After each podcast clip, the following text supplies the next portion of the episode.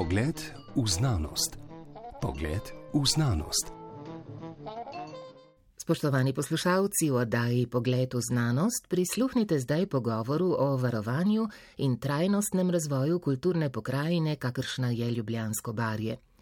V studiu sta že gosta, doktorica Mateja Šmit-Hribar z Geografskega inštituta Antona Melika pri Znanstveno-raziskovalnem centru SAZU in pa gostitelj Goran Tenze, vabljeni k poslušanju.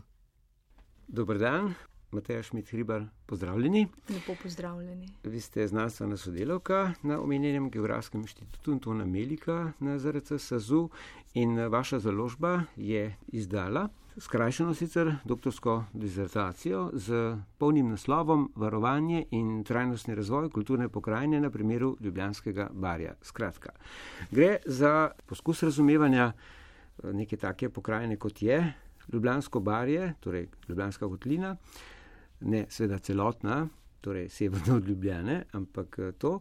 V tem pogovoru bi pa jaz želel, da poskušava razumeti, kaj sploh pomeni razumeti neko pokrajino kot kulturno pokrajino in kaj pomeni iskanje trajnostnega razvoja neke pokrajine.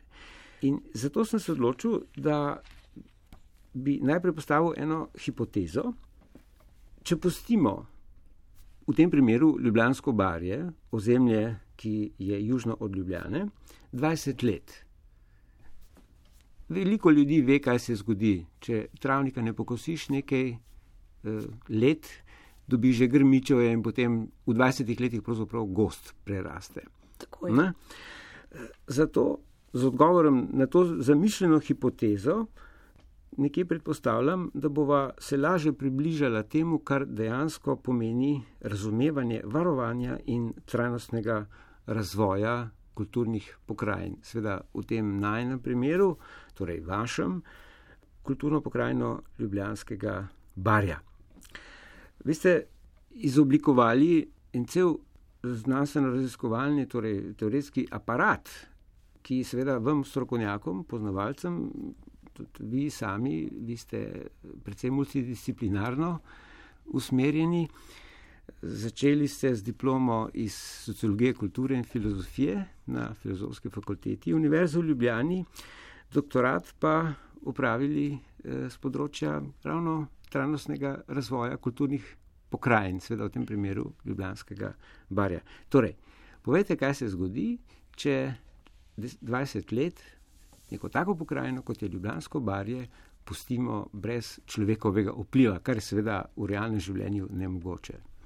Ja, um, takole, če bi pustili recimo pokrajino, kot je Ljubljansko barje, Se pravi, če bi prepustili, da ne bi človek ničesar več posegal v to pokrajino, bi nekako v 20-30 letih verjetno dobili neko goščo ali pa gost.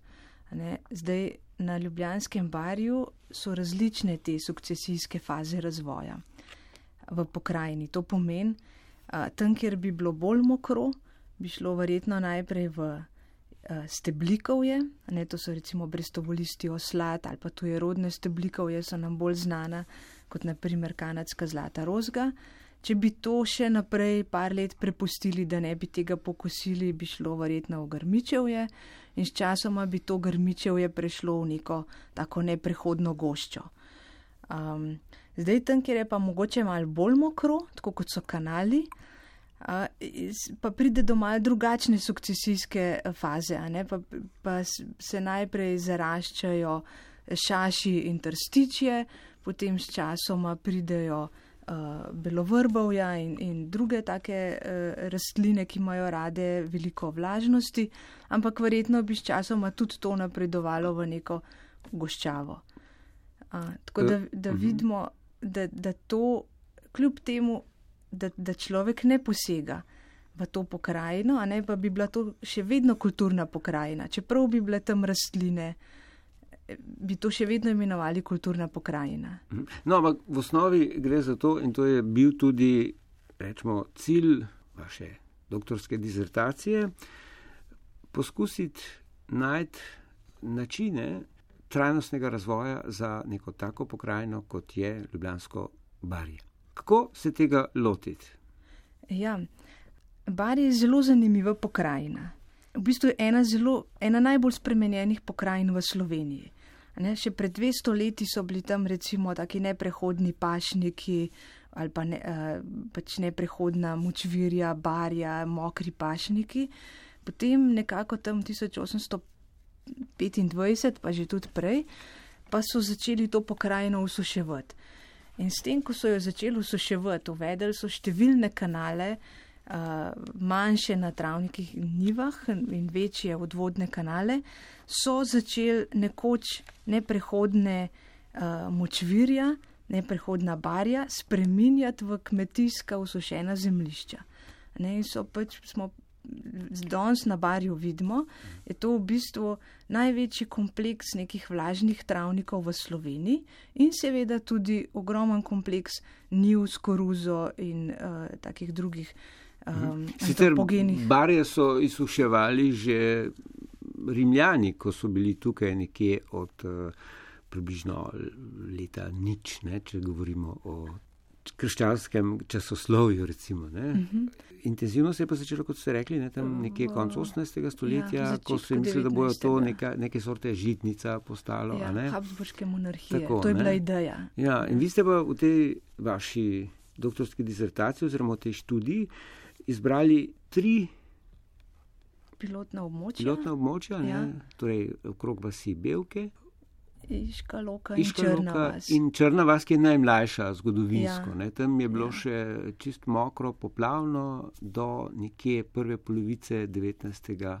stoletja. A, a v bistvu so jo 1825 so začeli to območje osuševati in 1830 so se naselili prvi naseljenci. Ne, takrat je eh, tedanja občina Ljubljana je razdelila parcele, te parcele so bile kar velike, približno po 11 hektarov, in so povabili ljudi, da se naselijo na tem na novo pridobljenem zemlišču. Sprva so želeli pridobiti okoliške kmete, ampak te kmetje so poznala, ne, da so bili prej tam uh, mokri pašniki, pa taka neprehodna uh, območja. Kislica, tako rekoč, ne, kar ni dobro za živino. Seveda, niti za življenje ni bilo hmm. ugodno, ne, so bili skeptični in se temu niso odzvali. Tako da so potem prišli na to območje uh, ljudje iz različnih drugih krajev Slovenije. In sprva je bilo tudi zelo težko, kljub temu, da so dobili sorazmerno velike posesti, po 11 hektarov in pol, ki so imele na vsako stran jarek, še vedno je bilo treba odvajati. Odvodnjavanje. Tako je, usuševati zemlišča. Um, se spominjam, da je Melik pisal, kako je potem po enem letu ali po dveh letih e, župan, tedajni ljubljanski župan, kako jim je prinesel jesen uh, fižol, krompir, zelje, zato ker si enostavno niso pridelali zadosti hrane na mhm. teh območjih. In zelo hitro so se potem domačini, tedajni domačini, preusmerjali z poljedelstva v živinorejo, ker eh, poljedelstvo na, na, teh, na tem še vedno poplavnem svetu je bilo težavno. Prej sem rekel, da ste na treh območjih, torej Belke, Črna vas eh, in že omenjeno. Eh, Iška Loka. Iška Loka, ja. tako, ne, to je tam proti Iškemu Vingarju in to je vse na nekih malo dvignjenih delih, ampak uh, vi skozi analizo teh zgodovinskih dokumentov, ki jih je predvsem, kot že omenjeni Melik, v svojih študijah, ste, tam ste veliko uh, gradiva, gradiva dobili za črno vas. Ja ugotavljate pravzaprav tudi spremembo samega barja, torej nekje iz eh, konveksnega v konkavno. Ja, zdaj mene je zanimalo na barju, ne, predvsem ugotoviti, kaj se stavlja to pokrajino. Ampak ker je ta pokrajina sorazmerno. Kako jo razumeti danes? Kako jo razumeti, kako sploh se lotiti, kaj varovati, kje jo razvijati. Uh, in bar je recimo mer nekje 160 km2 in to območje je bilo enostavno preobsežno, da bi se sistematično lotila iskanja. Zato sem si poiskala tri pilotna območja. In zdaj, ko sem si iskala pilotna območja, sem želela najti različna, ne, čim bolj raz, raznovrstna pilotna območja na Ljubljanskem barju, zato ker se je tudi potem izkazalo, da Ljubljansko barje ni tako homogeno, kot se zdi na prvi pogled. Ne? Ni mogoče nekomu, ki se ne spozna na to pokrajino ali pa se prvič pele skozi, se mogoče zdi, da je to pa vse enako, ne? E, nive, mejice, travniki in to je to. Pa sploh ni res in to se je potem pokazalo v sami raziskavi. Naprimer, Iška Loka, um, tudi zelo zanimivo območje. Ne, Iško Loko so v bistvu postavili na rob Iškega vršaja. In tam, kaj to pomeni? To pomeni, da so bili na varnem pred poplavom. Mhm. Vas je zgrajena na, na robu vršaja in zdaj na južno stran proti uh, Iškemu Vindgarju, tam so imeli oni polja. Mhm. Danes so sicer tam intenzivni travniki, do petkrat košeni lahko ali pa travnato detaljne mešanice, ampak nekdaj, še ne toliko dolg nazaj, par desetletij nazaj, so bile tam recimo polja, pšenica, krompir in tako naprej. Na severno stran se je pa začelo barje, ne tam so bili pa v preteklosti ekstenzivni travniki in mokri pašniki, danes so pa tam recimo nive koruze. Ampak domačini so zelo dobro poznali to um, uh, rob iškega vršaja in svojo okolico in so točno vedeli, kam morajo postaviti hiše, da ne bodo poplavljeni. Ne, potem recimo drugo tako območje, ki je tudi uh, več, več stoletna vasica, je, so belke. In tudi tam so domačini zelo dobro vedeli, kako, kje, kje kaj postaviti v pokrajino. Ne, tam pa ni vršaja, tam sta pa dva osamelca, Brdo in Kostanjevica in med njima je ena taka, tak uravnan, mal višji svet in tam so bila spet rodovitna zemlišča, kjer so imeli oni nive. Pod njimi se pa razteza barje, ne? tam so bili pa tudi v preteklosti mokri, skupni mokri pašniki, ki so jih potem razparcelirali uh, v uh, kmetijska zemlišča. Zdaj, Črna vas je pa zelo različna od teh dveh območij, ki sem jo pravkar omenila. Uh, je pa, kot smo že rekli, je uh, eno najmlajših območij kolonizacije pri nas, naseljena še leta 1830, odnegdaj so bile tam poplave, niso imeli gozda ne, in so popolnoma druge razmere za življenje, za kmetovanje, kot recimo v Belkah in Niški loki. In to je pač treba upoštevati, ko snujemo varovanje in razvoj. Ne, je treba upoštevati, da recimo, moramo upoštevati naravn, te naravne danosti. Če so nekje poplavna območja, težko tam gradimo, težko, težko si dovolimo neke novogradne, neke intenzivna kmetijska zemljišča. Mm -hmm. Zakaj? Zato, ker ko pride do poplav, je tam škoda. No, sej, e, če pogledamo začetek, prvo obdobje okrog leta 1800 in malo kasneje, vseh teh eh, treh območij vidimo v primerjavi recimo z obdobji kasneje, sicer bolj intenzivno imate vi eh, zdaj zadnja desetletja, a ne, mhm. -huh. neka ožja, mhm. -huh. zadnja je recimo tukaj od uh, tem do leta 11, ne, pravzaprav do 13. Do 13. Do 13, do 13 ja. Zelo pada ven, ko sem gledal te tabele, da so pred 200 leti približno prevladovali te mokri pašniki, ki so bili tudi popla, torej poplavni, a ne, ker so bile jeseni, spomladi visoke, veliko držja, pač je to bilo vse poplavljeno. Ne. No, zdaj, vedno bliže gremo pa sedanjemu času, je pa eh, zelo strukturirano. Poleg tega so bili včasih to srenski pašniki, ne, niso bili tako. Ja. Skupni pašniki. Skupni, neke, ja. ja, neke sorte skupni pašniki. Ne. In tam se ni gradilo, tam se je pač pasla živina, kadar ni bilo poplav. Ja. Eh, zdaj, kako pa ljudje danes razumejo ta prostor, glede na to, pač, da obstajajo kmetijske subvencije? Vi ste nekje eh, izbrali, eh, os, pravite, da so pokrajinski gradniki tisti, ki določajo naravo neke kulturne krajine. Ne? Vi ste jih 28 različnih sem našla. Različnih našli. Ja, jaz sem se tega lotila tako, ne, da sem pogledala, kaj zdaj sestavlja pokrajino. In sem potem enostavno s pomočjo ortofotoposnetkov in s pomočjo uh, terenskega dela in potem tudi s pomočjo intervjujev s strokovnjaki in domačini, sem šla gledati, kaj so tisti gradniki ali pa elementi v, na pokrajini, recimo na Ljubljanskem barju, ki to pokrajino sestavljajo.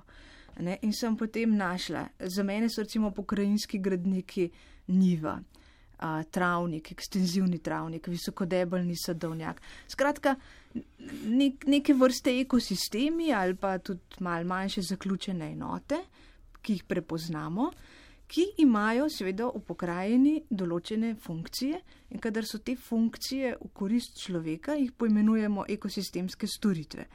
In zdaj je treba vedeti, da ko spremenimo mi kulturno pokrajino, ko mi spreminjamo te pokrajinske gradnike, se ne spreminja samo vides.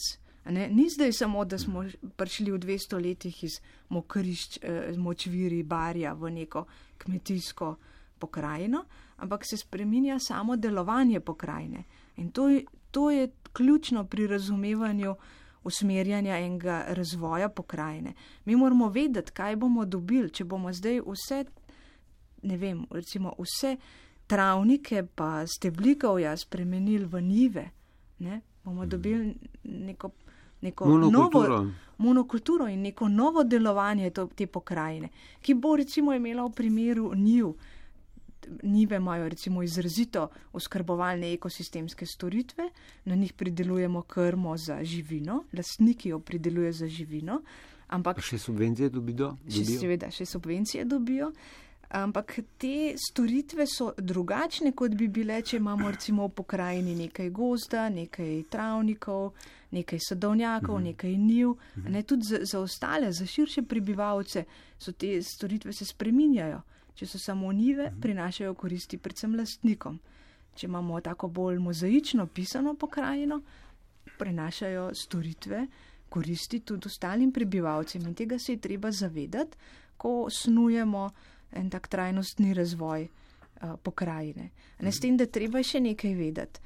Um, recimo, jaz sem razdelila teh 28 pokrajinskih gradnikov, sem razdelila glede na stopne naravnosti ali pa antropogenosti uh, na različne razrede. Ne, se pravi, um, idealno recimo imamo razpon od tistih eh, ekosistemov, kjer uh, procesi potekajo s pomočjo sončne energije na eni strani, na drugi strani do povsem antropogenih uh, sistemov, ki jih vzdržuje človek. Ampak mi moramo vedeti, da trajnostno je tisto, kar se samo vzdržuje, ne? tisto, kar nekako, kjer procesi potekajo s sončno energijo. Ne? Ni, ni trajnost, mislim, ti antropogeni sistemi, kjer mora človek zelo veliko vlagati uh, enih vnosov, eh, zelo veliko energije, da to vzdržuje, uh -huh. ti sistemi niso tako zelo trajnostni ali pa mogoče sploh niso trajnostni.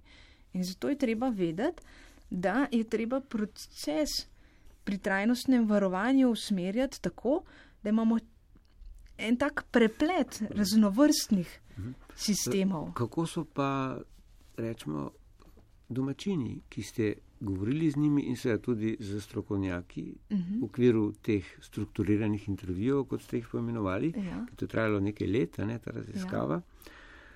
razumeli to, če mu rečemo trajnostni razvoj, kako recimo oni dojemajo, ja. pa kako sploh eh, rečemo, dojemajo to pokrajino. Ker vi Ja. tudi s tem se ukvarjate, ne? kako vrednotijo pokrajino, mm -hmm. pa kako, kaj si sploh predstavljajo. Kakšen odnos tem, imajo ne, do nje? tako.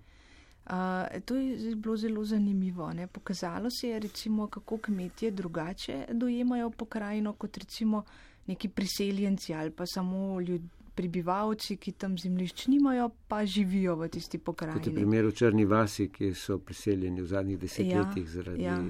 gradbenih apetitov. ne. Tam, skoraj da, tam je bilo zelo težko najti kmetovalca, skoraj da jih ni več, že te travnike in nive že najemajo uh, kmetje iz okolice. Skratka, kmetje želijo v svoji pokrajini uh, najti tudi en priložnost za en razvoj. Ne, oni iščejo ekonomski dobiček in oni se želijo razvijati. Seveda se tudi ostali prebivalci želijo razvijati. Ampak mogoče ostali prebivalci, vključno z mano, ne, mi še vedno tako mogoče mal romantično gledamo na, na to pokrajino, pa bi radi imeli ene, ene lepe prostore, ne, ene lepe kraje, pa veliko poti, da se lahko sprehajamo, medtem ko kmetovalci pač to spreminjajo, uh, morajo nahraniti živino, pa ne potrebujejo. No, O biostri, biotski pestrosti pravzaprav nisva kaj dosti Ja. njeni vlogi govorila v tem. Ne? Zdaj v teh ugotovitvah in predlogih, mhm. ki jih ste jih izoblikovali po nekaj letih raziskave, mhm. ugotavljate, da bolj ko je večja biotska pestrost, nekako bolje stvari funkcionirajo v sami pokrajini, seveda, ampak pod določenimi pogoji. Ne? Zdaj, kako se to uravnavati ja, z zdaj... subvencijami eh, v določene stvari, pa da bodo ljudje zadovoljni, da bodo videli perspektivo? Ja, zdaj biotska pestrost ne, temelji tudi na pokrajinski pestrosti. Mm. Pokrajinsko pestrost pa dosežemo z različno rabo prostora. Zdaj, kmetijske subvencije zelo veliko vplivajo na podeželsko pokrajino, ampak bolj v smeri tega, da je obdelana, da je intenzivna, manj pa v smeri, da bi tam ohranjali neke pokrajinske gradnike ali pa elemente, ki, ki prav tako potrebujejo določene človekove posege, vendar v, niž, v manj intenzivni obliki. Ne, to jaz pogrešam, recimo na tem bi mogli več delati. Um, na tem, da bi v pokrajini nekako oh, varovali ali pa ohranjali mejice, visokodebeljne sadovnjake, ekstenzivne travnike. Ne, za, za, za take elemente v resnici nimamo enih ta pravih uh, ekonomskih spodbud. Žal, Mogoče bi samo naslov ja. teh eh, kmetijskih subvencij morali spremeniti. Ne? To ni dovolj, da bi samo naslov spremenili. Je, je treba to mal bolj približati človeku, ki tam živi. Ne, včasih so to enostavno vzdržvali, zaradi tega, ker so to rabili. Ne, recimo mejice v, v Črni vasi, to so uh, pač nastale so zato, ker prebivalci v Črni vasi niso imeli gozdov, rabili so pilote za pilotiranje hiš in enostavno so si ob jarkih, ne, kot sem rekla, vsaka parcela je imela jark na, uh, na mhm. obe strani, so si nasadili jelše in jesene. Mhm. In to je bila, to je bila funk, funkcionalna raba teh mejic, mhm. ki jo danes pač izginja, danes tega več ne rabimo in potem se sprašujemo, kako varovati mejice. Uh, vsekakor je razumevanje take pokrajine, kulturne pokrajine, kot je Ljubljansko barje, očitno veliki ziv. Eh, zdaj, odgovorov tudi najbrž eh, še ni, ne, dokončnih, eh, ker se ljudje ne morejo v terminologiji zmeniti.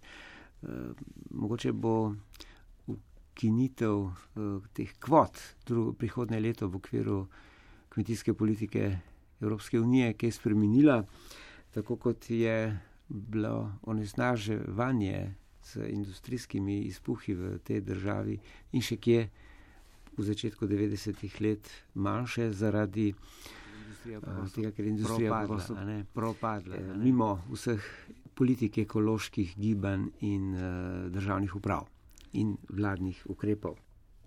Toliko ob izidu knjige, vaše knjige, skrajšane doktorske dizertacije, doktorica Mateja Šmit-Hriber iz eh, znanstveno-raziskovalnega centra Slovenske akademije znanosti in umetnosti, Geografskega inštituta Antona Melika, torej knjiga Varovanje in trajnostni razvoj kulturne pokrajine na primeru Ljubljanskega barja.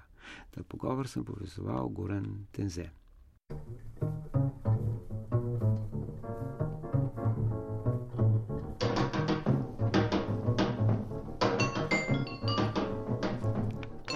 Pogled v znanost.